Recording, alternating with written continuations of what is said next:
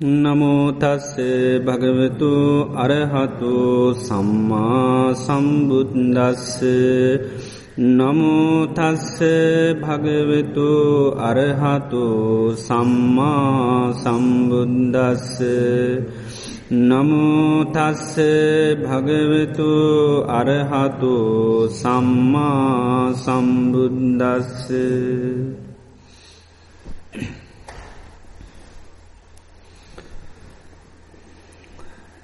ශ්‍රද්ධාවන්ත පින්නතුනි තුන්ලෝකාග්‍ර වූ භාග්‍යවත් බුදුරජාණන් වහන්සේ පූර්වාරාමේ වැඩින්නා දවස්සක දේශනා කරපු දේශනයක් අද දැම්මේ වෙලාව අපි දේශනා කරන්ට බලාපොරොත්තුවෙන්. මේ දේශනාව නම පුන්නමා. පුන්නමා කියල පාලීන් කැන්නේ පුරහඳට පුරහඳට තමයි පුන්නමා කියල කියන්නේ. පුන් පොහෝදහා පායන සඳට කියන නමත් තමයි පාලියෙන් පුන්නමා. එක්කාලේක බුදුරජාණන් වහන්සේ සැවැත්නුවර ෆූර්වාරාමි වැඩහිටිය මිගාරමාතු පාසාදය කෙනෙකි. මිගාරමාතු කියලා කැන කාටද විශාකාවට හේතුව තමයි එතුමිය ව්‍යහවුනේ මිස්ත්‍යා දෘෂ්ටික පවුලක මිගාර කියන සිටතුමාගේ පුතෙක් සමඟ තමයි ව්‍යහාවනේ. ව්‍යහවුනාට පස්සේ මේ විශාකාව නිසා ඒ පවුලි ඔක්කෝම විශේෂයම ඒ මිගාර සිටතුමා බෞද්ධ භාවයට පත් වනා. ඉතිං බුදුදහම හඳුන්වා දුන්න නිසා බුදුදහමට යොමු කරපු නිසා එතුමිය මේ තමන්ගේ ඒලිව ඒ මිගාඩ සිටතුමා අම්ම හැටියට තමයි සැලකුවේ. ඒ ධර්මය ලබාදුන්න හින්ද තමයි මව හැටියට ඇය සැලකුවයට මව යන මේක ගෞරුවය තමයි පදකරේ නිසයි මිගාර මාතු කියන්න. මිගාර සිරිතුමාගේ අම්ම කියනෙක නමුත් එතුමාගේ ඒලි ඒලි අම්ම බවට පත්කර ගත්තා අර ධර්මයට යොමු කරපු නිසා. මෙන්න මේ මිගාරමාතු පාසාදේ වැඩ ඉන්න කාල මේ මිගාරමාතු පාසාදේ කාම්බර දාහත් තිබිලතිනවා. එතුමේගේ අර ආභරණය විකුණල තමයි මේ පූර්වාරාම හැදව මේ පූර්වාරාමය කාම්බර දාහක දෙමහල් ගොඩ නැගිල්ලා. ඉතින් මේ දෙමහල් ගොඩ නැගිල්ල මේ පාසාදේ උන්වහන්සේ වැඩඉන්න දවසක පෝය දවසේ මේ පුන් පොහෝ දවසේ හඳ පායලතින අවස්ථාවක උන්වහන්සේ එලි මහනේ වැඩ හිටිය. බිසුන් වහන්සේලා සමඟ විශාල බිසුන් වහන්සේලා පිරිසකිට උන්වහන්සේල සමඟ එලි මහාන වැඩ හිටිය. මේ එලි මහන වැඩඉන්නකොට එක ස්වාමීන් වහන්සේ නමක් නැගිටලා භාග්‍යතුන් වහන්සේට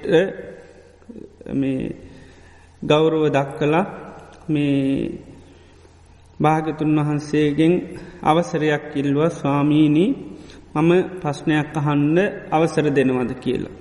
එතකොට බුදුරජාණන් වහන්සේ කිව්වා බිස්සෝබ ඉන්න තැනම ඉඳගන්ඩ ඉඳගන ප්‍රශ්නය යොමු කරන්න කිය. ඊට පස්ස මේ ස්වාමීන් වහන්සේ ඉඳගන්න භාග්‍යතුන් වහන්සේගෙන් අහනවා ඉමේනුකෝ බන්තේ පංචුපාදානක් කන්දා සේයතී දම්. ස්වාමීණි මේ වටද මේ පංචපාදානස්කන්දය කියල කියන්න. එනම් මොකදද රූප උපාදානස්කන්දෝ රූපපාදානස්කන්දය වේදනාවපාදානස්කන්දය සංඥාපාදානස්කන්දය සංකාර උපාදානක් කන්දය විඤ්ඥානු උපාදානස්කන්දය කියන මේ පහටද පංචුපාදානස්කන්දය කියන්නේ කිලැහුව. එතකොට බුදුරජාණන් වහන්සකිව්වා බිස්ව ඔවු මේ පහට තමයි පංචුපාදානස්කන්දය කියන්නේ රූප වේදනා සංඥා සංකාර විඤ්ඥාන කියන මේ පහට. රූපය කියල කියන්නේ මේ සත්‍ර මහාධාතුන්ගෙන් හටගත්ත අපේ රූපයට තමයි රූපය කියල කියන්නේ. චත්තාරූච මහාභූතා චතුන්නංච මහාභූතානං උපාදාය රූපන් සතර මහාධාතුන් ඒ නිසා හටගත්ත දේවල් වලට තමයි රූපය කියල කියන්න. සීත වස්නාදියෙන් වෙනස් වෙන නිසා තමයි රූපය කියන නම කියන්න. එතකොට වේදනාව කියලා කියන්නේ සැපදුක් උපෙක්කා විදීම් හටගන්න ඒවට තමයි වේදනා විදිනවා කියන අර්ථයෙන් තමයි වේදනාව හඳුන්නන්න. තුළ සංඥාව කියලකෙන් හඳුනාගන්නවා. අපි විවිධාකාර දේවල් ලෝකෙ හඳුනාගන්නවා. මේ හඳුනා ගැනීමට තමයි සංඥාව කියන්නේ හඳුනා ගැනීම් හයත්තින රූප හඳුනගන්නවා සද්ධ හඳුනගන්නවා ගඳ සුවන්ද හඳුනගන්නවා රස හඳුනගන්නවා පහස හඳුනගන්නවා සිතිවිලි හඳුනගන්න. සංස්කාර කියන්නේ චේතනාවට. රූප දැක්කහම ඒවා අනු අපි චේතනා හටගන්න. සද්ද හටගත්තා මේ අනුව චේතනා හටගන්න. ඊළඟට ගඳ සුවන්ද ආග්‍රහණ වනා මේ අනුව චේතනා පහලවෙන. ඊළඟට රස මේ අනුභව කරනකොට චේතනා පහළ වෙනවා පහස දැනෙනකොට චේතනා පහළ වෙනවා ඒ වගේම සිතට සිතිවිලියනකොට චේතනා පාල වෙනවා. තොට ඒක තමයි සංස්කාරස් කන්දය කියලා කියන්න. එතොට විඤ්ඥානය කියන්නේ දැනගන්නවා කියනර්ථයෙන් තමයි විඤ්ඥානයකැන් විඤ්ඥානය අයත්තින චක්කු විඤ්ඥානය සෝත විඤ්ඥානය ගහන විඤ්ඥානය ජිව්වා විඤ්ඥානය කාය විඤ්ඥානය මනෝ විඤ්ඥානි. විඤ්ඥානයේ ඒ ඒ නම්වලින් තමයි හඳුරන්න ඇහේ හටගත්තාම විඤ්ඥානයට හිතට කියන්නේ චක්කු විඤ්ඥානය කියලා. උපමාවකට පෙන්නවා ගින්න ඒ ඒ ද්‍රව්‍යයන්වලින් හටගත්තාම ඒ ඒ නංවලින් තමයි ගින්න හඳුන්වන්න. දරවලින් හටගත්තාම දරගින්න කියන. පිදුරුවලින් ගින්න ඇවිලට පිදුරු ගින්න කියනවා. ඒ වගේ ඒ දහයවලින් ඇවිලෙන නම් දහයගන්න ගොමවලින් ඇවිලන ගොමගින්. ඒ විදිේ ඒ ඒ ද්‍රව්‍යයන් වලින් හටගන්නකොට ගින්න ඒ නමින් තමයි හාදුන්වන්. ඒ වගේ මේ විඤ්ඥානයත් ඒ ආයතන ඔසේ හටගන්නකොට ඒ නමින් තමයි හඳුන්නන්න ඇහේ විඤ්ඥානය පහලිනොට ඒකට කියනවා චක්කු විඤ්ඥානය කියලා. ඒ විදිහට මේ ඒ ඒ ආයතනයන් වලින් විඤ්ඥානය හටගන්නකොට ඒ ඒ නමින් හඳුන්දනවා. ඊට පස්සේ මේ ස්වාමීන් වහන්සේ භාගිතුන් වහන්සේ ඒ පිළිතුරු දුන්නට පස්සේ බොහොම සාධ කාරයක්දහිලා ආයමත් භාගිතුන් වහන්සේගෙන් අහනවා ඉමේ කෝපන බන්තේ පංචුපාදානස් කන්දාකින් මූලකා. මේ පංචුපාදානස්කන්දේ මුල මොකද්ද කියලහනු. කුමක් මුල් කරගෙනද මේ පංචුපාදානස්කන්දේ පවතින්නේ. පංචපෝදානස්කන්දේ පවතින්ට තින මුලමකක්ද කියලාහන්. අපි අට එදා කතා කරේ නේද. චන්ද මූලකා සබ්බේ දම්මා කියල් හැම ධර්මයකම මූලේ කැමැත්ත. එතවට මෙතනත්හන මේ පංචුපාදානස්කන්දේ මුල මොකක්ද කැන කුමක් මුල් කරගෙන මේ පංචුපාදානස්කන්දේ පවතින්නේ. එතකොට බුදුරජාණන් වහන්සේ දේශනා කරනවා ඉමේකෝ බික්කු පංචුපාදානක්කන්දා චන්ද මූලක මේ පංචපාදානස්කන්දේ චන්දය මුල්කරගෙන තමයි පවතින්නේ. කැමැත්ත මුල්කරගෙන තමයි පංචපාදානස්කන්දේ පැවැත්ම තියෙන්නේ. මේ කැමැත්ත කියන එකින් නැතුනාන පංචපාදානස්කන්දය පවතින්නේ නැහැ. එනිසා පංචපාදානස්කන්දේ මුල තමයි මේ කැමැත්ත. ඊට පස්සේ පිළිතුරටත් ඒ ස්වාමීන් වහන්සේ සාධකාරයක් දීලා ආයමත් ප්‍රශ්නයක් බුදුරජාණන් වහන්සේයෙන් හනවා තං්්‍යේවනුකෝ බන්තේ උපාදානන්තේ පංචුපාදානක් කන්දා උදාහු අ්‍යත්‍ර පංචුපාදානක් කන්දේහි උපාදානන්ති. ස්වාමීනි මේ පංච උපාදානස් කන්දයමද උපාදාන එහෙම නැත්තම් මේ පංචුපාදානස්කන්දෙන් බැහැර දෙයක්ද මේ උපාදාන කියන්නකි ලැහව. කැන පංචුපාදානස්කන්දය කියල අපි කියනවනේ මේ පංචුපාදානස්කන්දයමද උපාදාන එහෙම නැත්තම් පංචුපාදානස්කන්දයෙන් බැහැර වෙච්චි දෙයක්දම උපාදාන කියල කියන්නකි ලැහව. තේරුණ අදේ. එතකොට බුදුරජාණන් වහන්සේ දේශනා කරනවා මේ පංචුපාදානස්කන්දම උපාදාන නෙවේ ඒකෙන් බැහැරවෙච්චි දෙයකුත් නෙවේ. යෝතත්ත චන්දරාගෝ තන් තත්ත උපාදාන. පංචුපාදානස්කන්දේ තින චන්දරාගේ තමයි උපාදාන. පංචුපාදානස්කන්ද උපාදාන වනනං අයින් කරන්න පුළුවන්ද. බැහැ ඒකයි.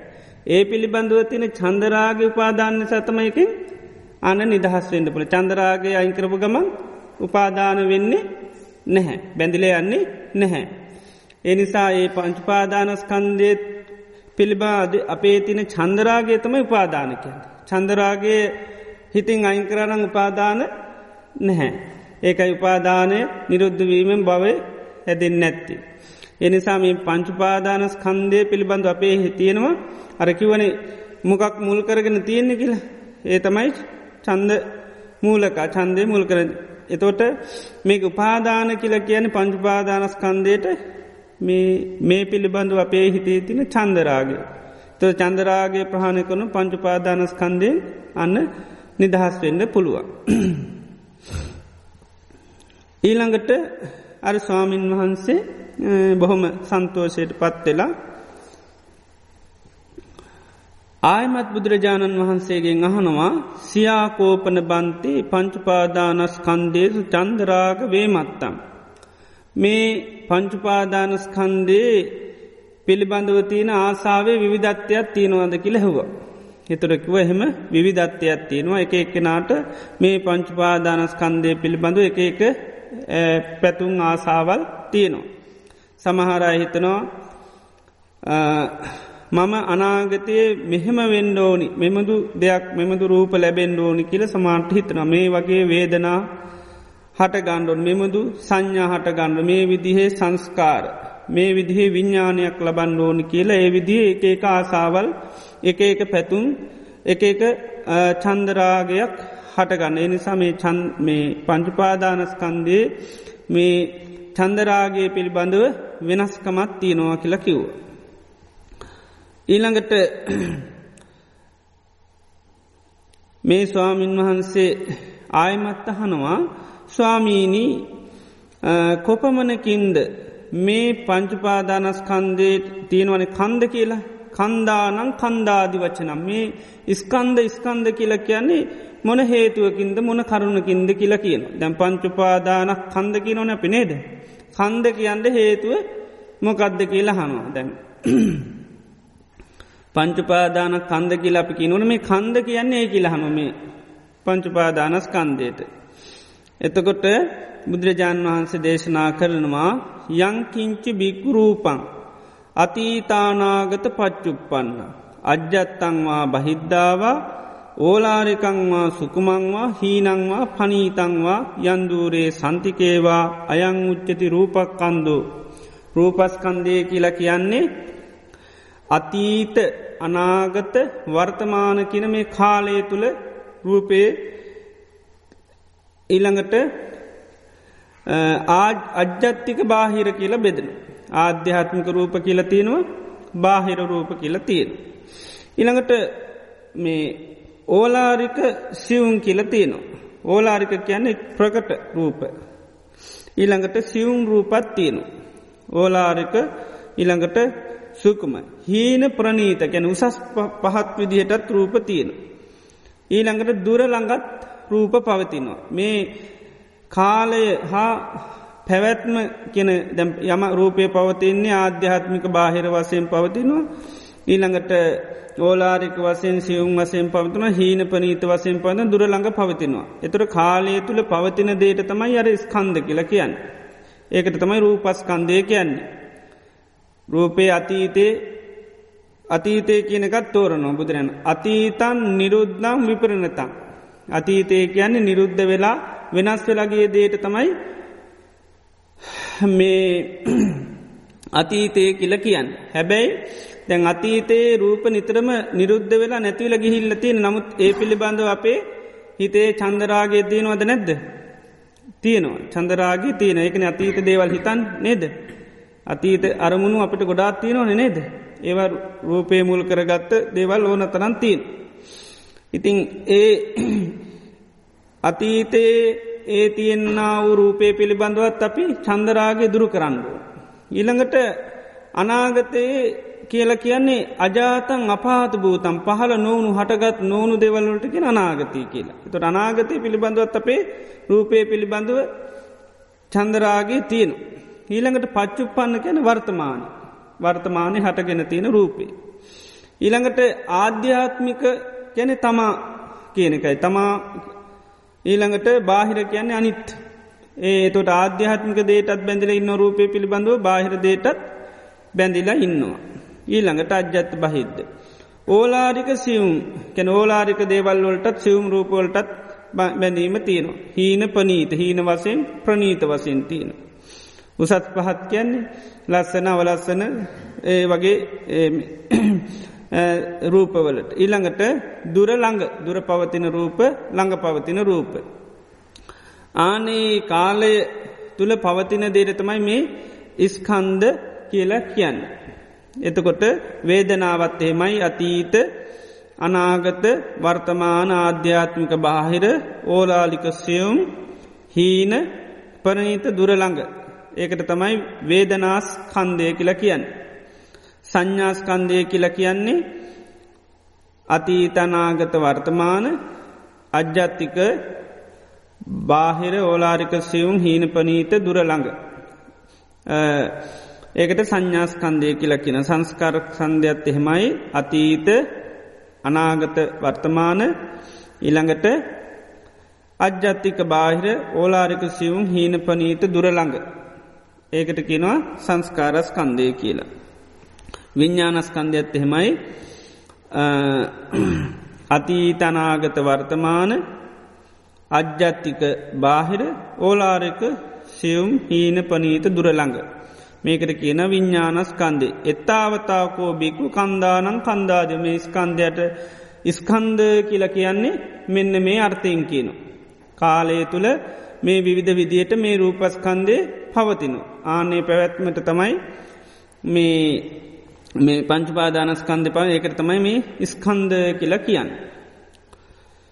ඊළඟට මේ ස්වාමීන් වහන්සේ භාගිතුන් වහන්සේගේ පිළිතුරට සාදු කියලා පිළි අරගෙන ආයමත් අහනවා කෝනුකෝ බන්තේ හේතු කෝ පච්චයෝ රූපස්කන්දස්ස පඤ්ඥාපනාය. ස්වාමීණි මොකදද හේතුව මොකදද ප්‍රත්තිය මේ රූපස්කන්දේ පනවන්න. රූපස්කන්දේ හටගන්ඩ හේතුව ප්‍රත්තිය මොකක්ද කියල හනු. ඊළඟට වේදනාස්කන්දේ පිළිබඳවත් අහනවා ඒක හටගන්න පනවන්න තියෙන හේතුව මොකක්ද. සංඥාස්කන්දය පිළිබඳවත් අහනවා සංසාරස්කන්දය පිළිබඳවත්තේ විදිට හනවා විඤ්ඥානස්කන්දය පිළිබඳවත් අහනවා. එකන රූපේ හටගණ්ඩ පවතින්න තියෙන හේතුව මොකක්ද.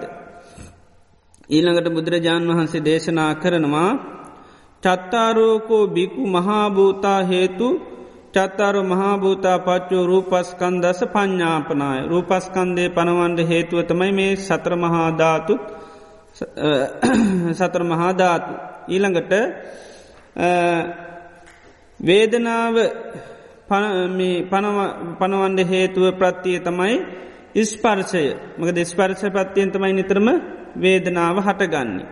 ඊළඟට සංඥාවත් ස්පර්ශපත්තිය සංස්කාරත් ස්පර්ශපත්තියෙන් ඉළඟට විඤ්ඥානයකුමකින්ද හටගන්නේ නාමරූප ප්‍රත්තියෙන් තමයි විඤ්ඥානය. එතට නාමරූප තමයි විඤ්ඥානය පනවන්ඩ තියෙන හේතුව. ඊට පස්ස මේ ස්වාමීන් වහන්සේ ඒ පිළිතුරටත් බුදුරජාණන් වහන්සේ දුන්න පිළිතුරටත් මේ සාදු කියලා අනුමෝදං වුණු. ඒකොට තේරුණ නේද. ඊළඟට බුදුරජාණන් වහන්සේගෙන් ආයමත් අහනවා කතන්නුකෝ බන්තේ සක්හාය දිට්ටි හෝති. කොහොමද මේ සක්කාය දිට්ටි ඇති වෙන්නේ කියල හෙව. සක්කාය දිට්ටිය කියල පිහලතියෙනවනේ ඒ සක්හාය දිට්ටිය කියනක ඇතිවෙන්නේ කොහොමද කියල හනවා. එතොට බුදුරජාණන් වහන්සේ දේශනා කරනවා ඉදබික්කු අස්සුතවා පුතුජ්ජනු අස්සුතවත් සුතවා කියන්නේ ධර්මය අසා පුහුණු කරන අයට සුතවත් කියලා කියන ධර්මය අසාගෙන දරාගෙනන්න අයට. අස්සුතවා කියන්නේ ධර්මය අහලා දැන කියාගෙන නැහැ. ආනේ අය අරියානං අදස්සාාවි ආර්යන් වහන්සේලා දකිනෙ නෑ ආර්යන් වහන්සේලා ඇසුරු කරන්නේ නැහැ. අරිය දම්ම සකෝවිදු ආරි ධර්මය දක්ෂතාවයකුත් නෑ කෝවිද කියන්නේ දස්ස අකෝවිද කියන්නේ දශ්ෂතාවයක් නැහැ. අරිය දම්මේ අවිනීතු විනීත කියන හික්මෙනවට අවිනීත කියන හික්මෙන්නේ නැහැ ආර්ය ධර්මයක් පුහුණු කරන්නේ නැහැ. ඊළඟට සත්පුරුෂානං අදස්සාාව සත්පුරුෂයන් වහ දකින්නේ ඇසුරු කරන්නේ නැහැ. සත්පුරුෂ දම්මස්ස අකෝවිදෝ සත්පුරුෂ ධර්මයේ දක්ෂත් නෑ. සත්පුරුෂ ධර්මය අවිනීතෝ හික්මෙන්න්නෙත් නෑ පුහුණු කරන්නේ නෑ. ආන්න එයා රූපං අත්තතෝ සමනු පස්සති. රූපය ආත්මයක් හැටියට සලකනවා. සත්‍ර මහාධාතුන්ගෙන් හටගත් රූපය තමන්ගේ වසගේ ස්තීර පවතින දෙයක් හැටියට යා සලකනවා. එහෙම නැත්තං රූපවන්තංවා අත්තානම් මේ ආත්මය කියන එක රූපවලින් හැදුනාය කියලා කල්පනා කරනවා. ඒවගේම අත්තනීවා රූපං තමා කියල දෙයක් තුළතමයි මේ රූපේ තියෙන්නේ කියලා සම කල්පනා කරනවා. එහෙම නැත්තං රූපස්මින්වා අත්තානං මේ රූපය තුළ තමයි ආත්මී තියන්නේ කියලා සලකනවා. මේ විදිහට මේ රූපයේ පිළිබඳව සක්කායදිට්ටි හතරාකාරයකට පවතිනවා. රූපය තමා කියල හිතනවා. එහම නැත්තන් තමා තුළ තමයි රූපයේ තියෙන්නේ. එහම නැත්තන් රූපය තුළ තමාතිනව තමා තුළ රූපය තියෙනවා කියලා අන්න කල්පනා කිරීම සක්හාය දිට්ටිය. එතොට රූපයට හතරයි. ඒ විදිහට පංචුපාදානස්කන්දේට අරකැන විෂයාකාර සක්කාය දිට්ටියත්ති නෝ කියලා. සක්කා දිටි විෂයාකාරයතින ඒ මේ විදිට තමයි විස්සක් වෙන්න. එකකට හතරගාන එතකොට පහට විස්සක් වෙනවා. වේදනාව පිළිබඳවත් එහෙමයි වේදනාව ආත්මී හැටියට සලකනු. ඒම නැත්තං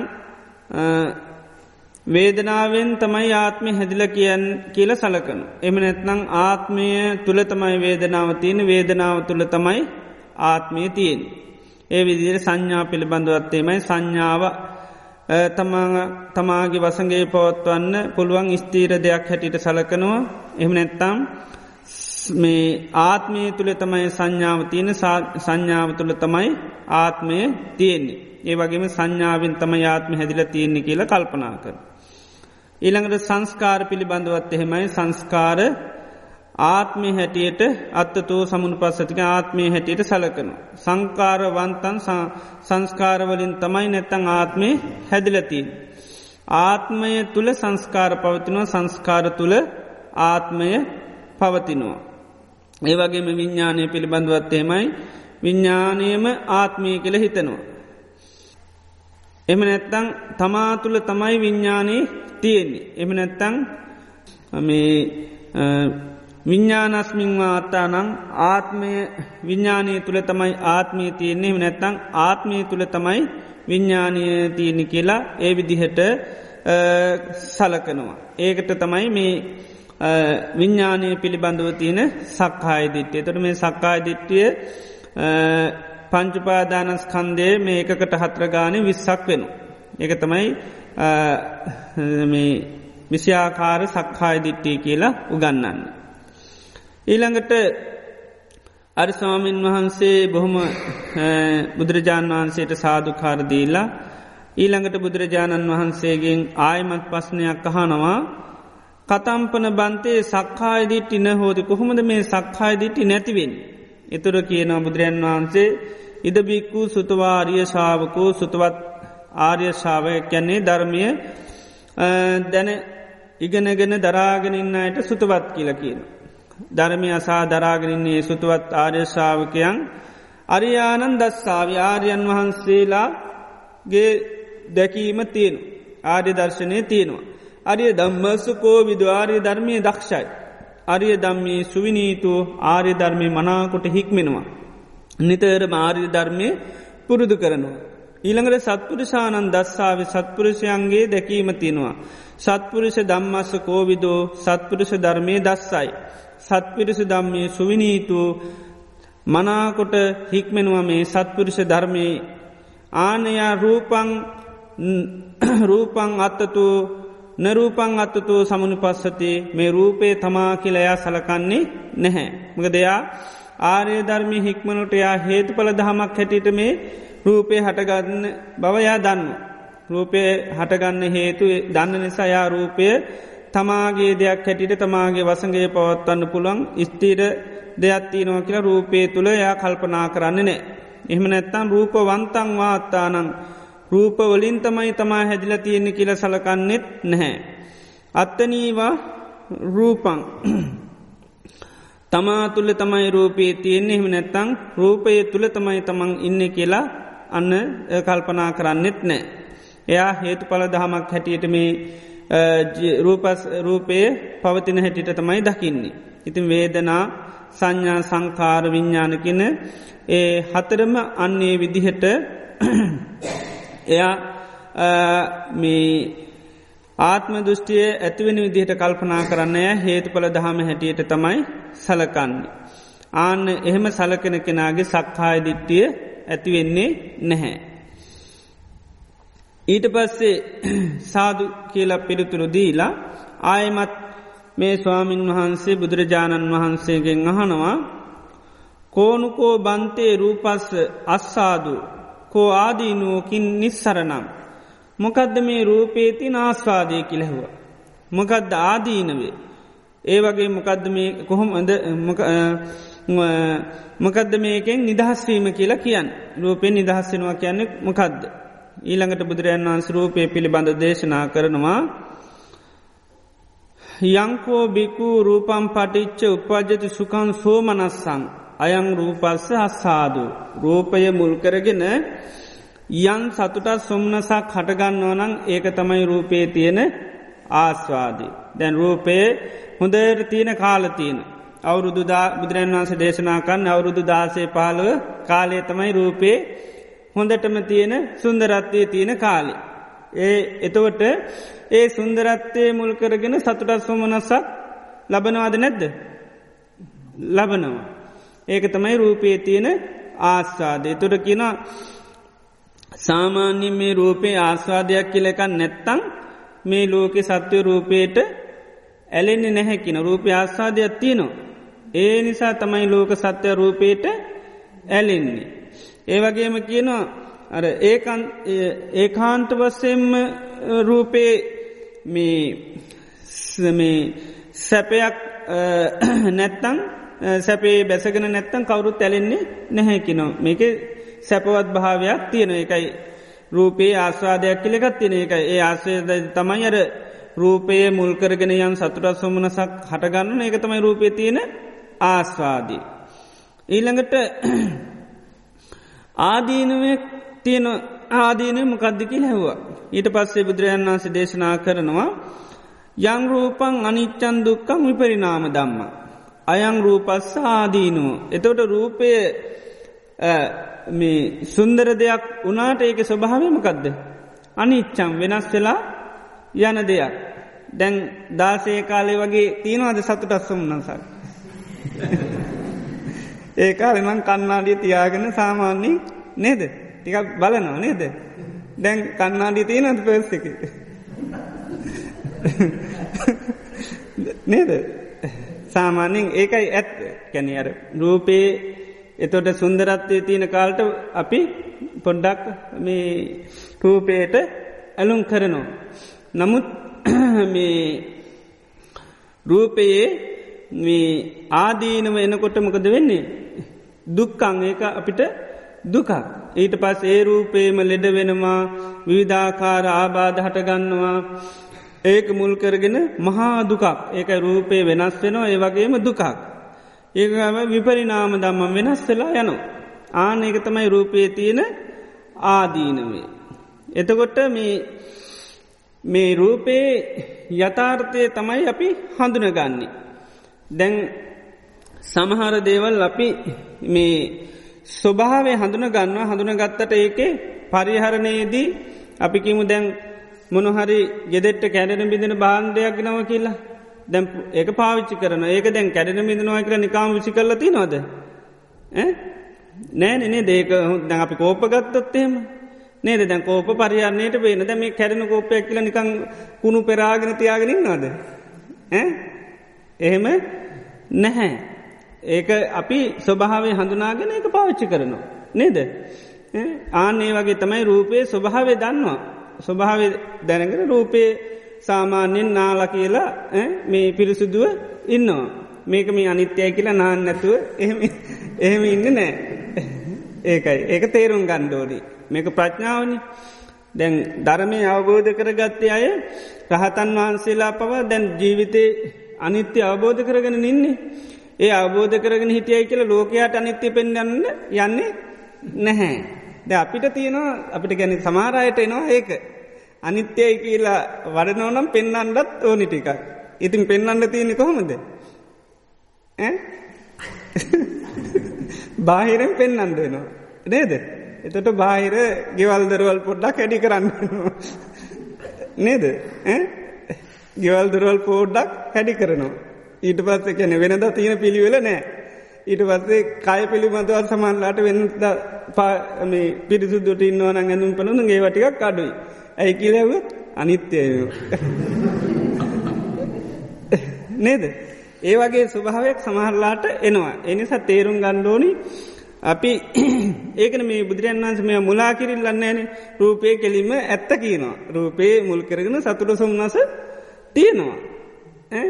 ඊල්ළඟ ඒක ආස්වාදයක් තියෙනවා ඒ වගේම ආදීනවකුත් තියෙනවා නමුත් ආදීනව දකිනකොට රාස්වාදය කියන එක නැතිවෙලෑනවා. ඉතින් ඒ නිසා අර මංකි වේකයි දැන් කැඩෙන බිදෙනවයි කියලා අපි හඳුනා ගන්නවා එතෝට හඳුනාගත් හඳුනාගෙන ඒව පරිහරණය කරනවා.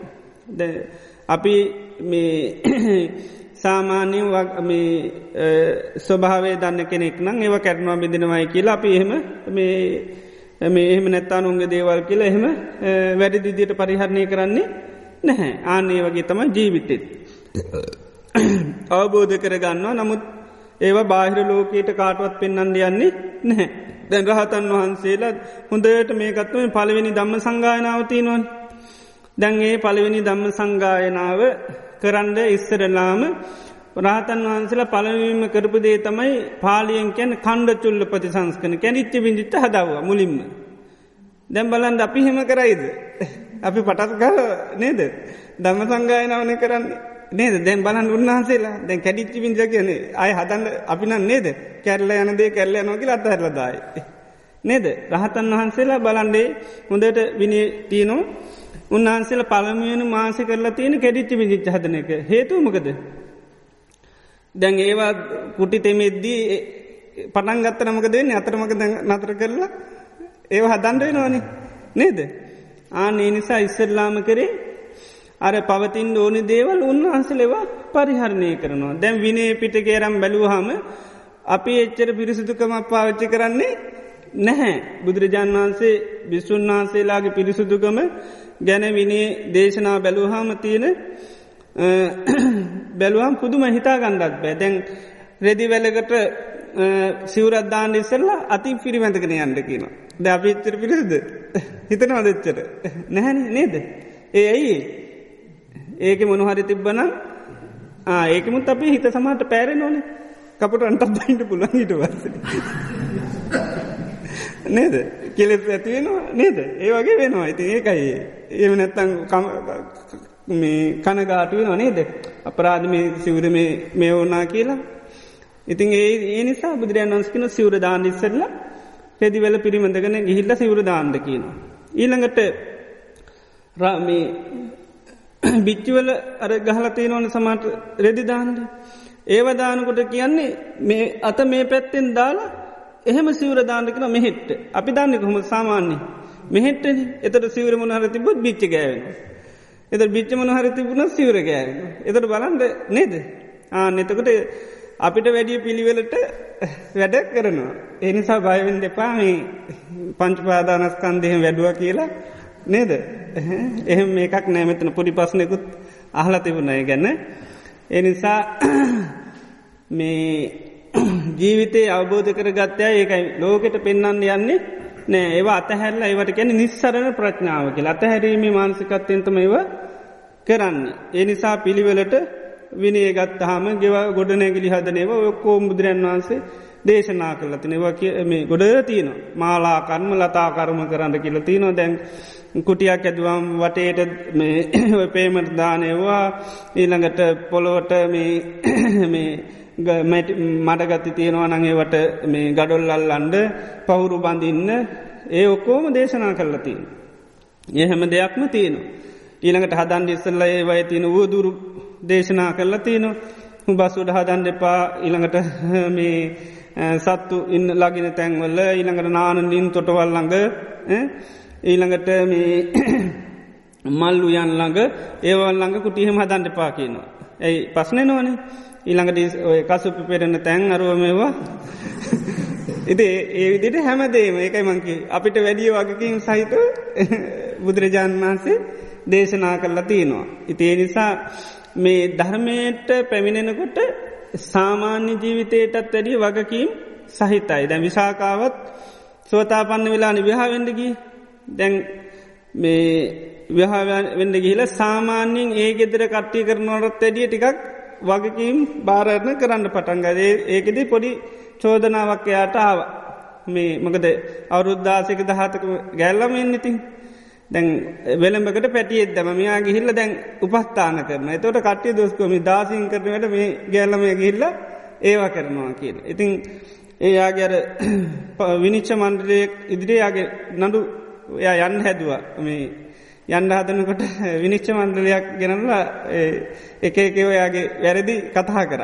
එතොට ඒ වෙලා වයාකිව මේක ස්වාමි දීනයකි වක්වමක්ව මම අම්ම කෙනෙක් එනිසා සතෙක් ඒ වගේ දරුවෙක් බිහිකරනෝට ලොකු අපහසුකට පත්වෙන ඉතින් අපි ගිල්ල උපස්ථාන කරන්න ඕන කිව. අන්න බලන්න දැන් ගෙදර තියෙන සාමාන්‍ය වැඩවලටත් වැඩිය නේද.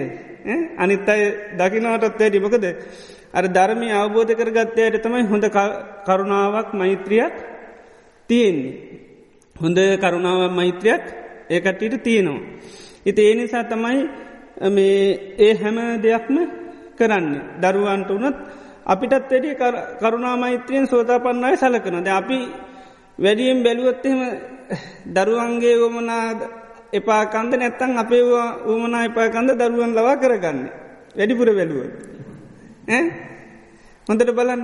දැන් දරුවෙක් විසේ අමත් තෝර ගත්තොත් තමන් කැමතික තෝරගන්නවටද කැමති? දරුව කැමතියකටද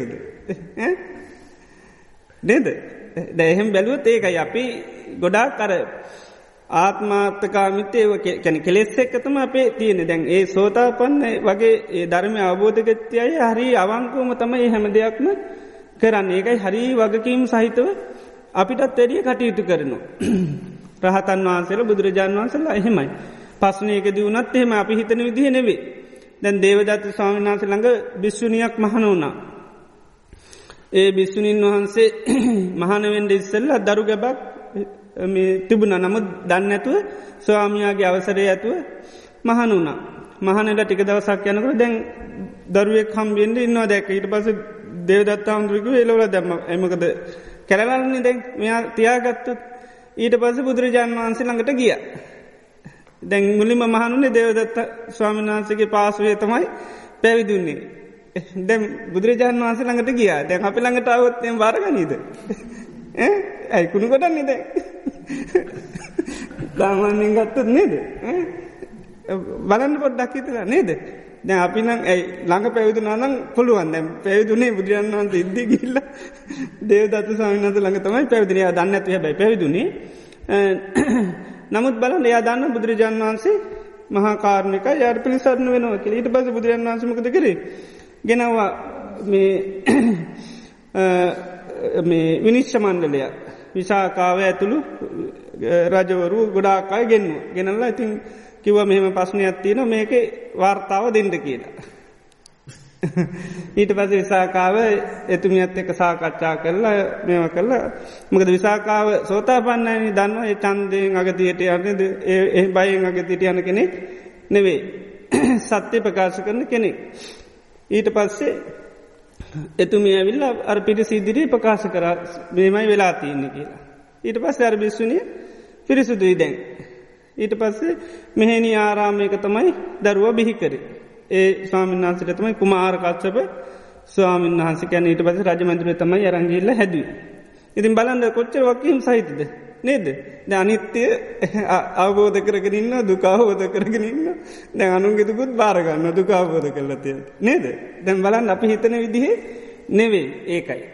අපි නිකං සාමාන්‍යෙන් හිතානන්නේ හරි අමුතු විදියට නමුත් ඇත්තටම ඒ බුදුරජාණන් වහන්සේලා ලෝකේ පවතින මිනිස්සු කරන දේවල්ටත් වැඩිය වගකීම් සහිත තමයි ලෝකෙ ජීවත්වෙන්නේ. ඒ හැම දෙයක්ම ඒ විදිහට තියෙන්. ඒ නිසා මේ ධර්මය හරියට අවබෝධ වෙන අය ඒකයි ලෝකෙට ඇත්තට පෙන්න්න යන්නේ නැහැ ධර්මය තමා මෙහෙම අවබෝධ කරගෙන හෝ ඉන්න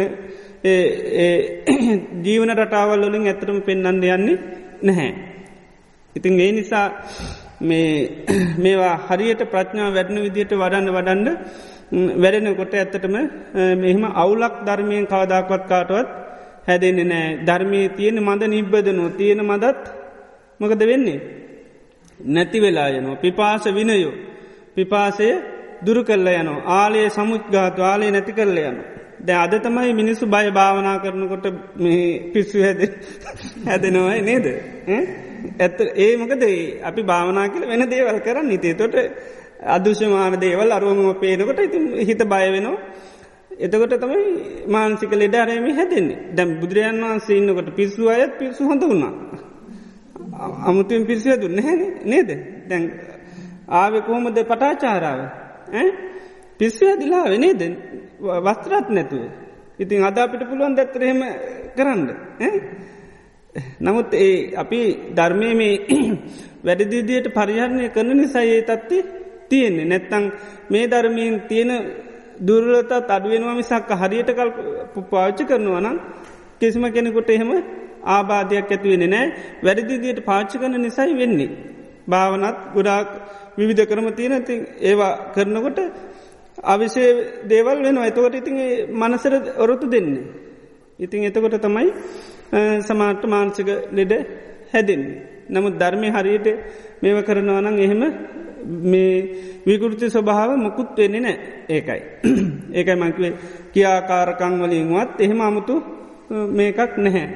තේව වවිනේ පිට කෙහෙම විවත්තක් කන්දක එහෙම පොඩ්ඩක් කරං කියවල බලන්න බුදුරජාණන් වහන්සේ ඊළඟට මේ සංවිධානාත්මක කට්ටි ඉන්ඩ හදල තියෙන පිළිවෙලවල් නීතිරීති අරුවමම ගත්තහම හැම දෙයම් හරි පිළිවෙලට තියෙනු. බුද්ධ ශාසනයේ ඇගිල දික්කරන්න බෑ අහවල්දේ නෑ කියලා.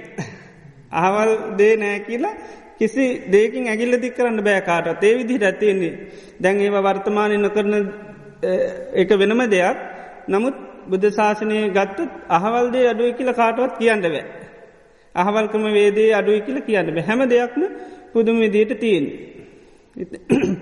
ඉතින් ඒ විදිහට මේ රූපයේ ආස්වාද ආදීනුව අන්න මේ අවබෝධ කර ගන්න කෙන රූපයේ ආස්වාදය තමයි රූපය මුල් කරගෙන හටගන්න අන්න සතුට සොම්නස තමයි රූපයේ ආස්වාද ආදීනව තමයි රූපය වෙනස් වෙනවා ඒ වගේම රූපය මුල් කරගෙන දුක්විඳින්න වෙනවා රූපය නැතිවෙලා යන එක.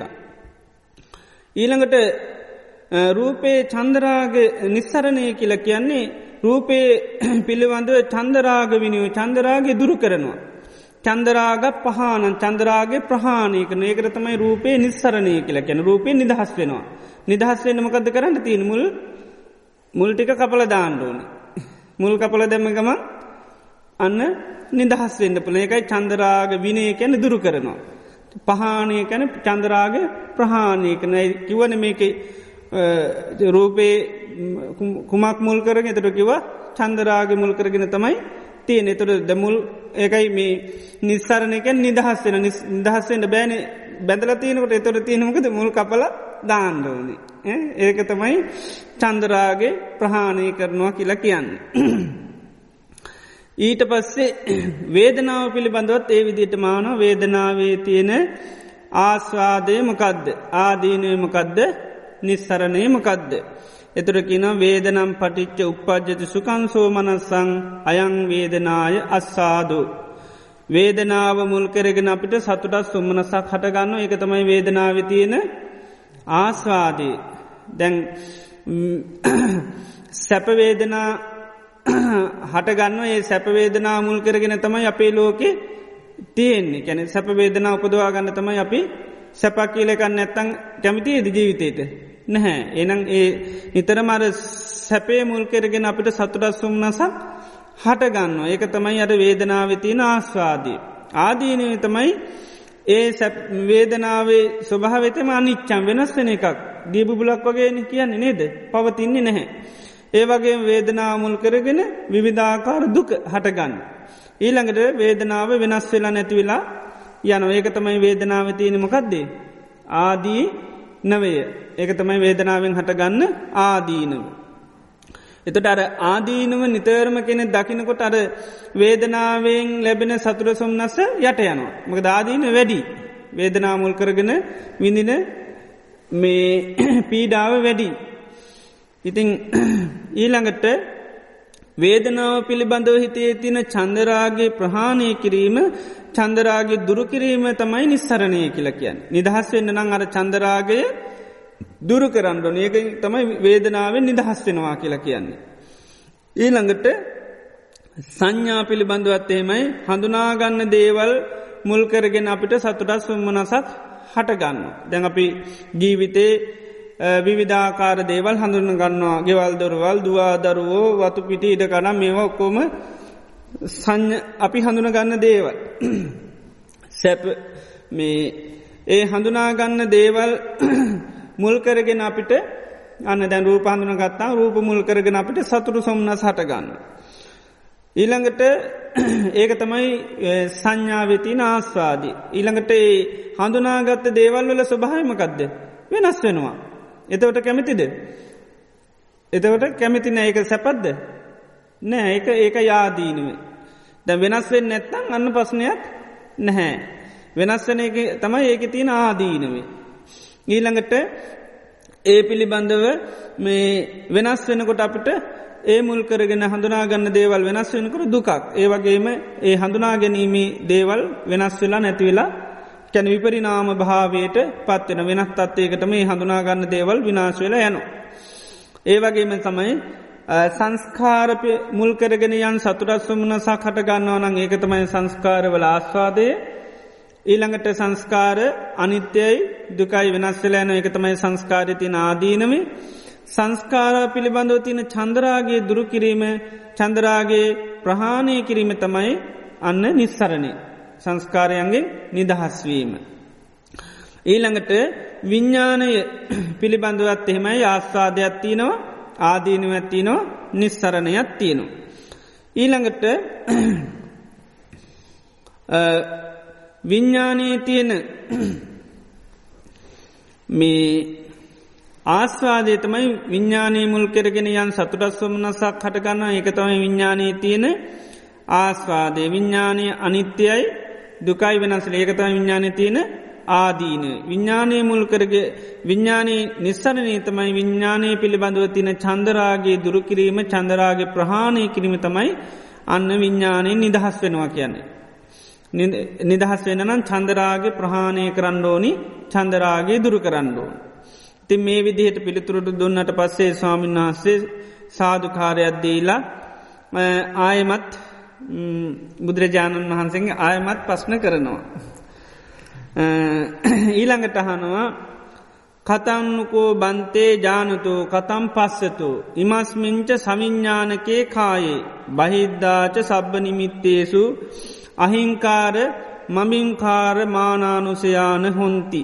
ස්වාමීනී කතන්ජානතු කොහොම දැනගත්තහමද කොහොම පස්සතෝ ගැන කොහොම බැලූහාමද මෙන්න මේ සවිඤ්ඥානය කැන විඤ්ඥාන සහිත කයෙත්. බහිද්ධාච සබ්බ නිමිත්තේ බාහිරෝතින සියලු නිමිති පිළිබඳවත්. අහිංකාර මමින්කාර මානුෂයා එකනේ අහංකාරයත් මමංකාරයත් කියන. මං එදාකිවේ මමංකාරය කැන දෝංකාරයක් කියනේද දෝංකාර දෙන හිත ඇතුළි මම කියන එක. ඉතිං ඒක කොහොම දැනගත්තයාමද ඒක ප්‍රහාණය කරන්න නැතිකර ගන්න පුළුවන් වෙන්නේ. එතකොට බුදුරජාණන් වහන්සේ දේශනා කරනවා යංකින්චි බික්කුරූපං විශ්ව යංකිසු රූපයක් තියෙනවනම් අතීතං අතීතයේ නිරුද්ධ වෙලාගේ යම් රූපයක් ඇත්නම්. ඊළඟට අනාගතයේ හට නොගත් පහළ වෙච්චි යම් රූපයක් තියෙනවාන.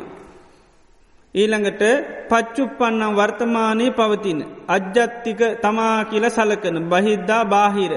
ඕලාරික සියුම් හීන පනීත දුරළඟ. ඒ සියලූම රූප. පිළිබඳ නේ තම් මම මාගේ නොවේ කියල. නේසෝ හමස්මි මම නොවමි නමේසෝ අත්තා මාගේ ආත්මය කැනමගේ වසගේ පවත්වන්න පුළුවන් දෙයක් නෙවේ කියලා මෙන්න මේ විදියට සම්ම ප්ඥාය පස්සති මනානුවනින් දකිනු. අතීත අනාගත වර්තමාන ආධ්‍යාත්මික බාහිර ඕලාරික සියවුම් හීන පනීත දුරළඟ යම් රූපයක් පවති නොනං ඇත්නම්. ඒ රූපය නේ තම් මම මගේ නෙවේ නේසෝ හමස්මි මම නොවෙමි නමේසු අත්තා මගේ ආත්මය නොවේ කියලන්න නුවනින් විමසල බලනවා. සම්ම ප්ඥාය පස්සති කැන එක මනානුවනින් දකිනවා. අන්නේ දකිනකොට තමයි අර අහංකාරයත් මමංකාරයක් කියන එක නැතිවෙලා යන්නේ. ඒ විදිහට වේදනාව පිළිබඳවත් එහෙමයි වේදනාව අතීත ගැන අතීතයේ හටගෙන නිරුද්ධ වෙලාගේ යම් විඳීමක් ඇද්ද. වර්තමා අනාගතයේ පහළවන යම් විඳීමක් ඇද්ද. ඊළඟ වර්තමානය පහළ වන විඳීම්. ආධ්‍යාත්මික තමා තුළ හටගන්න විඳීම් බාහිර විඳීම් හීන ප්‍රනීත දුරළඟ ඊළඟට ඒ සියලූම විඳීම් පිළිබඳවත් නේ තම්මම මගේ නොවේ නේසෝ හමස්මි මම නොවෙමි නමේසු අත්තා මගේ ආත්මය නොවේ මගේ මට පාලනය කරන්න පුළුවන් දෙයක් නෙවේ. ආන්නේ විදිහට මනානුවනි යථභූතන් කැන එක තියෙන ස්වභාවය සම්මප්පඥ්ඥාය පස්සති මනානුවනින් අන්න දකිනවා. ඒ වගේම සංඥා පිළිබඳවත් එහෙමයි අතීත අනාගත වර්තමාන අජ්ජත්තික බාහිර ඕලාරික සෙවුම් හීන පනීත දුරළඟ යම් සංඥාවක් ඇ දේශියලූම හඳුනාගන්න දේවල් අනනේ තම් මම නේසෝ හමස්මින මේසෝ අත්තා. මාගේ නොවේ මම නොවෙමි මගේ ආත්මය නොවේ කියල නුවනින් විමසල බලනු. ඒ විදිහට සංස්කාර විඤ්ඥානී පිළිබඳවත් ආනේ විදිහට සල කළ බලන්න මේ පංචුපාදානස්කන්දය පිළිබඳව අපිට අතීතේ වසයමුත් අපේ හිත බැඳිල තින ඒගෙන පරණ දේවල් හිත හිත නේද? අහංකාරත් ඇති කරගන්නවා මමංකාරත් ඇති කරගන්න නේද? සාමාන්‍යෙන් අතීතය අතඇරල නැහැ අපි. අතැල්ල කියල හිත නොද නිරුද්ධ වෙලා නැතිවලගේ අතඇල්ල නැහැ. දැන් තාමත් තියනවන පරණ පස්න නේද? ඒව නිතර නිතර මේවකන ඒක යතීතයත් අපි භාවනා කරනුවට විමසනවා ඒකයි අතීතයත් ගන්න ඉළඟට අනාගතයට ප්ලෑන් ගොඩයින නේද අනාගතයට සැලසුම් ගොඩත් තියෙන ඒකින්ද අනාගතයත් ගන්නවා. ඊළඟට වර්තමානී පවතින. ඉළඟට තමා පිළිබඳු. අජ්ජාතික කැනෙ එක ඉළඟට බාහිරත්න අතරල්ල නැවත් අල්ලගෙන තියන්නේ. ඒකයි බාහිර. ඊළඟට හීන පනීත ඊළඟට ඕලාරික සියුම් ඊළඟට දුර ළඟ. මේ සෑම ආකාරයක මේකයි. හැම පැත්තම්ම ගලවල දාන. කොහෙන්වත් අස්සකවත් මුකුත් ඇල්මක් කියන එකක් රූපේ පිළිබඳු වේදනා පිළිබඳුව ගානන ඒකයි ආනේ විදිහට මේව කරනකොට මේ අර ඉමස්මිංච සවිඤ්ඥානකයේ කාය මේ විඤ්ඥාන සහිත කය පිළිබඳවස් බහිද්ධාත සබ මිනිස් නිමිත්තේ බාහිර සීලුම නිමිති පිළිබඳව.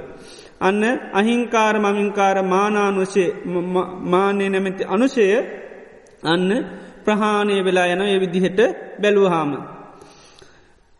ඊට පස්සේ බුදුරජාණන් වහන්සේ දේශනා කරනවා පටිපුච්ච විනීතාකෝ තුම්මේ භික්කවේ තත්‍රතත්ව තේසු තේසු දම්මේසු කියනවා මහණනි ඔබලා පස්්න කර කර ඒ ඒ ධර්මයම් පිළිබඳව හික්මෙන්ඩ කියන. පස්්න කර කර ඒ ඒ ධර්ම පිළිබඳව හික්මෙන්ඩ කියනවා. ඒ කාලේ බුදුරජාණන් වහන්සේ බිස්සුන් වහන්සේලා සම්මුකුණ හම පස්්න කරනවා. හැබැයි දැන් පස්න අපිහ මැවුවත්තේම ටිකක් මේ පස්්නයක් කෙරවා. හේතුව තමයි දැම් මේක යහනවා තංකින් මං්්‍යත භික්කවේ රූපන් නිච්චංවා අනිච්චන්ති. මේ අහනවා මහනනි ඔබලක් මේ කොහොමද සලකන්න? මේ රූපේ නිත්‍යයේද අනිත්‍යයේද කියලා හනවා. තැන් ඇත්තටම හැවුවොත් අපි මං පලවිනි දවස මැවිල්ල වුවොත් මකද හිතෙන්නේ? ඕකත් අහන්ද දෙයක් දෙක හිත නොනේද අහන්ඩ දෙයක් නෑන නේද? දැම් බුදුරජන් වහන්සේ එකයි බිස්සුන් වහන්සේලාගෙන් අහනවා රූපය නිත්‍ය දෙයක්ද? අනිත්‍ය දෙයක්ද. එතට කියන අනිච්චම්බන්තේ ස්වාමිනි අනිත්‍යයයි. ඒකට එතොට කියන යම්පනානිච්චන් දුක්කං සුකංවා දුක්කංවා. එතොට යමක් අනිත්‍යයනම්. ඒක සැපද්ද දුකද්ද කියලහනු. යමක් අනිත්‍යන එක සැපයිද දුකයිද. එතර ගෙන දුක්කම්බන්තේ ස්වාමිනියක දුකක්. යම්පනානිච්චන් දුක්කම් විපරිනාම දම්මං කල්ලන්නු තන් සමුණු පස්සිතුන් යමක් අනිත්‍යය නම්. ඒ වගේම එකත් දුකක් නම්. එක වෙනස් වෙලාත් යනවනං. හරිද කල්පනා කරන්න මෙහෙම කියනවා. සමුණු පස ඒ තම් මම ඒක ඒදේ මගේ. ඒ සෝමස් ඒ මම වෙමි ඒ සෝමේ අත්තා ඒක මගේ ආත්මය කියල කල්පනා කරන්න සුදුසුද.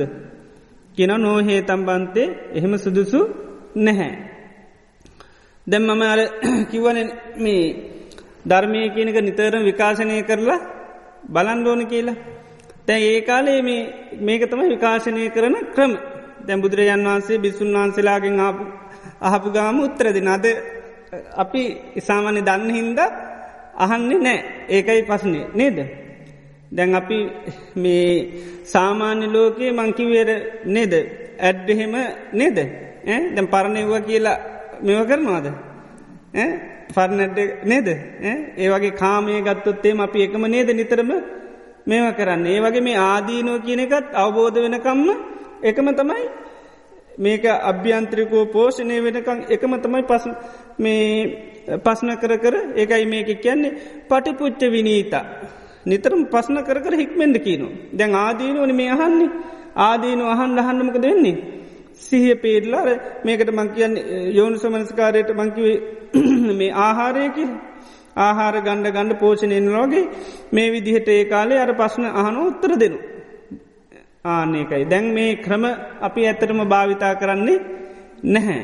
ඒකයි දැන් බුදුරජන් වහන්සේ මේවා බැලුවොත්තේම එක සූත්‍රයක නෙවේ දැන් රාහුල ස්වාමීන් වහන්සේම රහත් වනේ මේ මේ ආයතන පිල්බඳ මේ විදියට පස්න කර අවසාන රාවල ස්වාමීන් වහන්සේ රහත් වනා. ඉති ඒ විදියට බුදුරජාණන් වහන්සේ කාලේ නිතරම ස්වාමීන් වහන්සේල මුණ ගැහුණාම දායකව ළඟට ගිය පොම මහනෝ. රූපේ නිත්‍ය දෙයක්ද අනිත ලෙඩ වෙච්චි සාමන්න්සල ළඟට ගිය පොහම තහනව බුදුරන් වහන්සේ. එතකට තමයි උන්වහන්සේලා සිහි කල්පනාවෙන් පිළිතුරු දෙනම එක නිත්‍යයයි කෙලේ විදියට අර පස්න කරන. ඊළඟට වේදනාව නිත්‍ය දෙයක්ද අනිත්‍ය දෙයක්ද.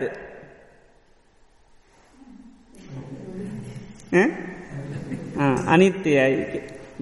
එතකොට යමක් අනිත්‍යය නං ඒක සැපද්ද දුකක්ද. දුකක්. යමක් අනිත්‍යය නම් දුකනං වෙනස් වෙලා යනවා නම්. කල්පනා කරන්න සුදුසුද? ඒ වේදනාව මගේ වේදනාව මම වෙමි වේදනා මගේ ආත්මය කියලා සලකන්න සුදුසුද? සුදුසු නෑස්වාමින් වහන්ස කියල කියන්න.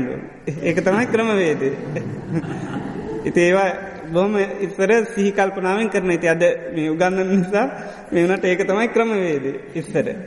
ඉතින් ආදීනුව මේ විකාශනය කරනවා ආන්න එක ඒ ආදීනුව අහනකොට අහනකොට එහෙමනි දැන් අපි පස්න කර කර සමහරලාට වෙන දේවල් මෙව කරනවා නේද. බාහිර දේවල් සමාරලාට එහෙම කරන අවස්ථා තියනවා. ඉතින් අපි බාහිර ලෝක දේවල් ඕන තරම් කෙනෙකුගේ අඩු පාඩුවක් අපි ලස්ස වාරයක් විතර කතා කරනවාන නැද්දේම. කෙනෙක් කලකිරවන්ඩ ඕන්නම් කේනමක් එම ගිල කීවාරයක් කියනවාද. කලකිරණ කම්ම කියනවා නේද. එහෙමනි සාමාන්‍ය ලෝක නේද. ඒ මේකම තමයි මේක තිය නිති අර දැන් කරන්න ඇති පස්සන තමයි තියෙන්නේ. හොඳට බලන්න නේද. අපි කල්පනා කළ බැලුවත් එහෙමනි. කෙනෙකුට යමක් එපා කරවන්න අපි නැවත නැවත ගීල මීට මීට මීට ඒකම තමයි කියන්නේ. දැන් අඩු පාඩුව කතා කරනවා නම් කොච්චරවත් ඒ කතා කරනවා නිති නේද. මොනවාර කිව්වේ ගමන් තක්ගාල අපි ඒක මතක් කරනවා. ඉතේ ඒ විදිහ තමයි මේ ඒ කාලෙ තිබිලතියෙන්. ඊළඟට සංඥා පිළිබඳවත් එහෙමයි මේ අර විදිහටම පස්න කරනවා සංඥාව නිත්‍යය ධනිත්‍යයද එතොට පිළිතුර දෙනවා සංඥාව අනිත්‍යයි ස්වාමීණී යමක් අනිත්‍යය නං ඒක සැපද්ද දුකද්ද ඒක දුකක් යමක් අනිත්‍යයයි නන් දුකයි නං වෙනස් වෙලා යනවනම් කල්පනා කරන්න සුදුසුද? මේක මගේ මේක මම වෙමි මේක මගේ ආත්මී කියල කල්පනා කරන්න සුදුසුස කියලාන තොට එහෙම කල්පනා කරන්න සුදුසු නැහැ. ඊට පස්සෙ කියනවා තස්මාතිය භික්කවේ. ඒ නිසා මහනන යංකින්චි රූපං. අන්න අයත් කින යංකිසි රූපයක් අතීත අනාගත වර්තමාන ඕලාරිකසිවුන් හීන පනීත දුරළඟ යං රූපයක් ඇත්නංගේ සීලම රූප නේ තම්මම නේසු හමස්මින මේසු අත්තා නෙමේසු අත්තාති යථභූතන් දට්ට අබ්බා මේ අතීතනාගත වර්තමාන ආධ්‍යාත්මික බාහිර ඕලාරික සිවුම් හීන පනීත යම් රූපයක් ඇත්නං අන්නේ රූපයමකක්ද නේ තම් මම එක මගේ නෙවේ. නේසෝ හම්මස්ම මම නොවේමින මේසු අත්ත මගේ ආත්මය නොවේ කියලා දකිින්ද කියනවා. ඒ විදිහට වේදනා සංඥා සංකාර විඤ්ඥාන කියන අන්න පංචුපාදානස්කන්දේ මේ විදිහට අන්න විපස්සනා කරල බලන්ඩ කියනවා. ඒවම් පස් සම්භික්කවේ සුතවාරිය සාාවකෝ මෙන්න මේ විදියට දකින සුතුවත් ආර්යසක් සාාවකයා රූපස්මින් නිම්බින්දති රූපය පිළිබඳමකක් දැතිවෙන්නේ. කල කිරීමක් ඇති වෙනවා. ඇයිදැන් මගේ නෙවේනේ මම නොවමි මගේ ආත්මය නුවේ කියල දකිනට රූපය පිළිබඳමකක් දැතිවෙන්නේ. අන්න කලකිරීමක් ඇත රූපස්මින් නිම්බින්දති. වේදනාය නිම්බින්දති වේදනා පිළිබඳවත් කල කිරෙනවා. සංඥාය නිම්බින්දති. සංඥා පිළිබඳවත් කල කිරෙනවා සංස්කාර පිළිබඳවත් කල කිරෙනවා විඤ්ඥානය පිළිබඳවත් කල කිරෙනවා. මේ කලකිරනට පස්සෙමකද වෙන්නේ. නිම්බින්දං විරජ්ජති රජ්ජති කියන්නම කරද. ඇලෙනවාට. ඇලෙන්නේ ඇයි? කලකිල්ල ඇලෙන්නේ? හොඳ වුණහමන ඇලෙන්නේ නේද. දැන් අපි ඇල්ම තමයි දුරගන් මං එදක්වේ චන්දරාග විනේන. විනිියක්කායනු සත් අපේ සාතෘන් වහන්ස කැන චන්දරාගේ දුරු කරන්න. එතට මේ චන්දරාගේ අරකිව මේක පටන් ගන්නවනකිවේ මේ පංචුපාදානස්කන්දේ කුමක් මුල් කරගෙන තියන්නේ. චන්දරාගේ මුල් කරගෙනයි තියෙන්නේ. තොට ඇලිල තියෙන්නේ. රජ්‍යති කියන්නේ ඇලිල තියෙන්නේ. තොට කලකිරෙන්න්න මකක්ද කරන්න ඕන? යන්න නිම්බින්දම් කලකිරෙන්ඩ ඕන. ඊට පස්ස යන්න කලකිරුණු හමතමයිමකක්ද වෙන්නේ. නිම්බින්දම් විරජ්‍යති ඇලෙනෙ නෑ විරාගා නුවැලුන්න හමමකද වෙන්නේ? විමුච්චති අන්න නිදහස් වෙනවා. විමුත්තුස්මින් විමුත්තිමිති ඥානන් හෝති. ඊට පස්සේ නිදහස් වනහාම නිදහස් වනා කියල ඥානයක් ඇති වෙනවා. එතවට තමයි කීනා ජාති ජාතිය සේකරා. වසිතම් බ්‍රහ්මචරියන් ශාසන බ්‍රහ්මචරියාව පුහුණු කරලා අවසං කරනවා. ඊළඟට කතන් කරණීයන් කළ යුතු දේවල් කරලා ඉවරයි. නා පරංගිත්තත්තා යාති ආයනම් මට මාර්ගය වඩන්න නෑ කියල අවබෝධගන්න අවබෝධ කරගන්න. එත රාත්තුනම් රාත්තුනා කියලා දන්නවා. ඊළඟට මේක තවකත් තමයි විමුත්තස්මි විමුත්තිම මිදුනට පස්සෙ තමයි මිදුන කියලා ඥානයක් ඇතිවෙන්නේ. එහෙම නැතුව දවසගානේ මිදෙනවා දකින ඥානයක් නැහැ. උපමාවකට පෙන්න්නනවා දැන් කෙනෙක් වෑමිටක් වෑයක මිටක් කල්ලනවා. කාලයක් කල්ලන්න අල්ලන්න සමහට ඇගිලි සලකුණු ඒක පිහිටනවා. එතකොට ඇගිලි සලකුණු පිහිටියට පස තම ඇගිලි සලකුණු පිහිටිය කියල ඥානයක් උපදින්න ඊට පස්සේ එහෙම නැතුව දවස ගාන තිය නොද ඥානය අදම ඇල්ලුව මෙච්චර හිටිය. දවස දාන බලන්ඩ පුළුවන්ද. එහෙම බෑනේද. ආන ඒවගේ කියන බුදුරන් වන්ස මේ කෙලෙස් ප්‍රහාණය කරනකොට දවස ගානය බලන්න බෑ කියනවා. සීයත් තිබ්බ කෙලෙස් විසි පාක්කඩුවන බනායි ඒවිදියට බලන්ඩ බෑ කියන. මේකයි මේ කීනස්මින් කීනමිති ගැන විමුත්තිස්මි විමුති මිදුනට පස්සෙ තම යන්න මිදුන කියල දැනගන්න.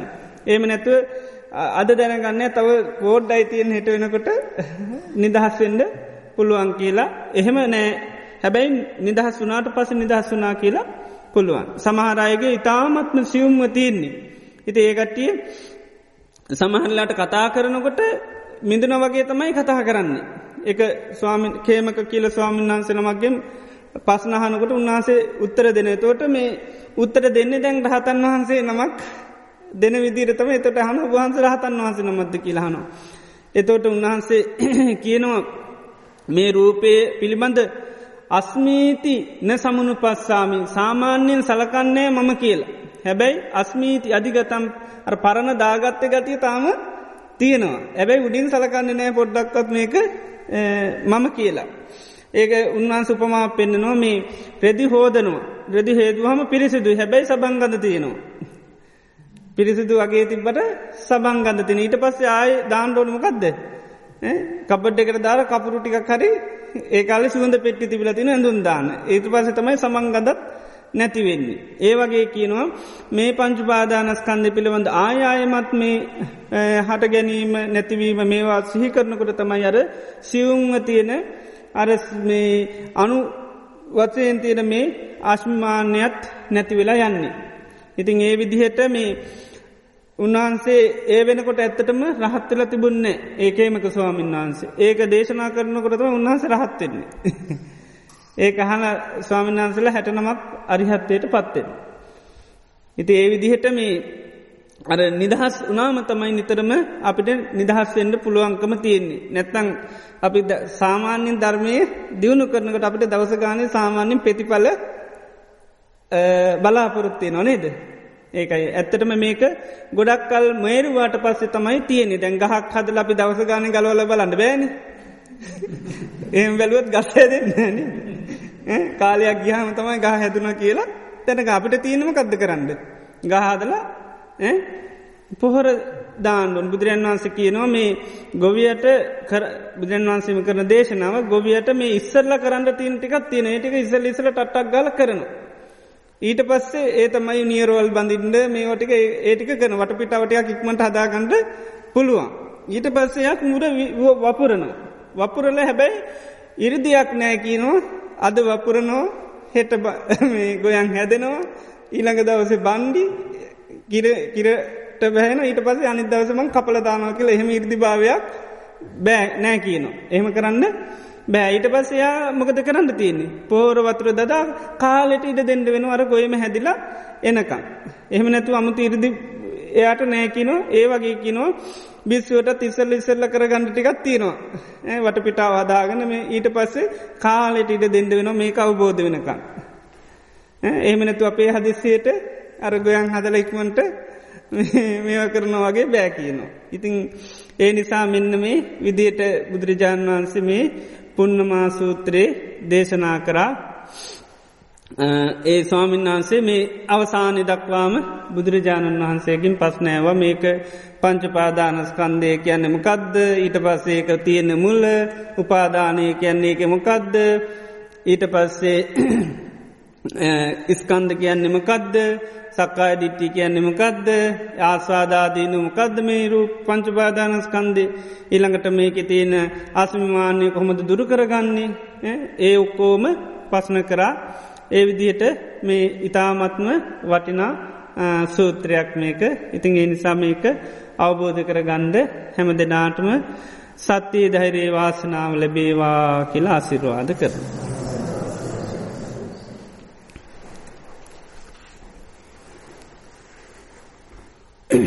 හොඳයි අපි එහෙනම් තැන් වෙලාව ගිහිල්ල තියෙන නිසා නත්‍ර කරමු හොඳයි අද දිනේදිත්. ඉතාම සද්ධාවෙන් ගෞරයෙන් බත්තිී යුතුව උදෑසන පටම් මෙහෙම ෝද දක්වා අපේ හිතේ ඉන්ද්‍රිය ධර්මයන් වැරණ විටයට නීවරණ ධර්මය යට පත් කරගෙන හැකිතාත් දුරට ශ්‍රීහනුවන වැඩන විදිහට අපි මේ තතාගත ලෝතුරා බුදුරජාණන් වහන්සේ අපේ ජීවිතය මේ දුකින් මුදවාගන්ට දේශනා කරපියේ ධර්මය අපි පුහුණු කරා පුරුදු කරා. ඒ තුළින් අපේ ජීවිතයට විශාල කුසලයක් පුුණ සත්‍යයක් ලැබෙනවා බුදුරජාණන් වහන්සේ දේශනා කරන්න මේ ලෝකෙ ලොකූම පින්කම තමයි අනිත්‍ය සංඥා වැඩීම.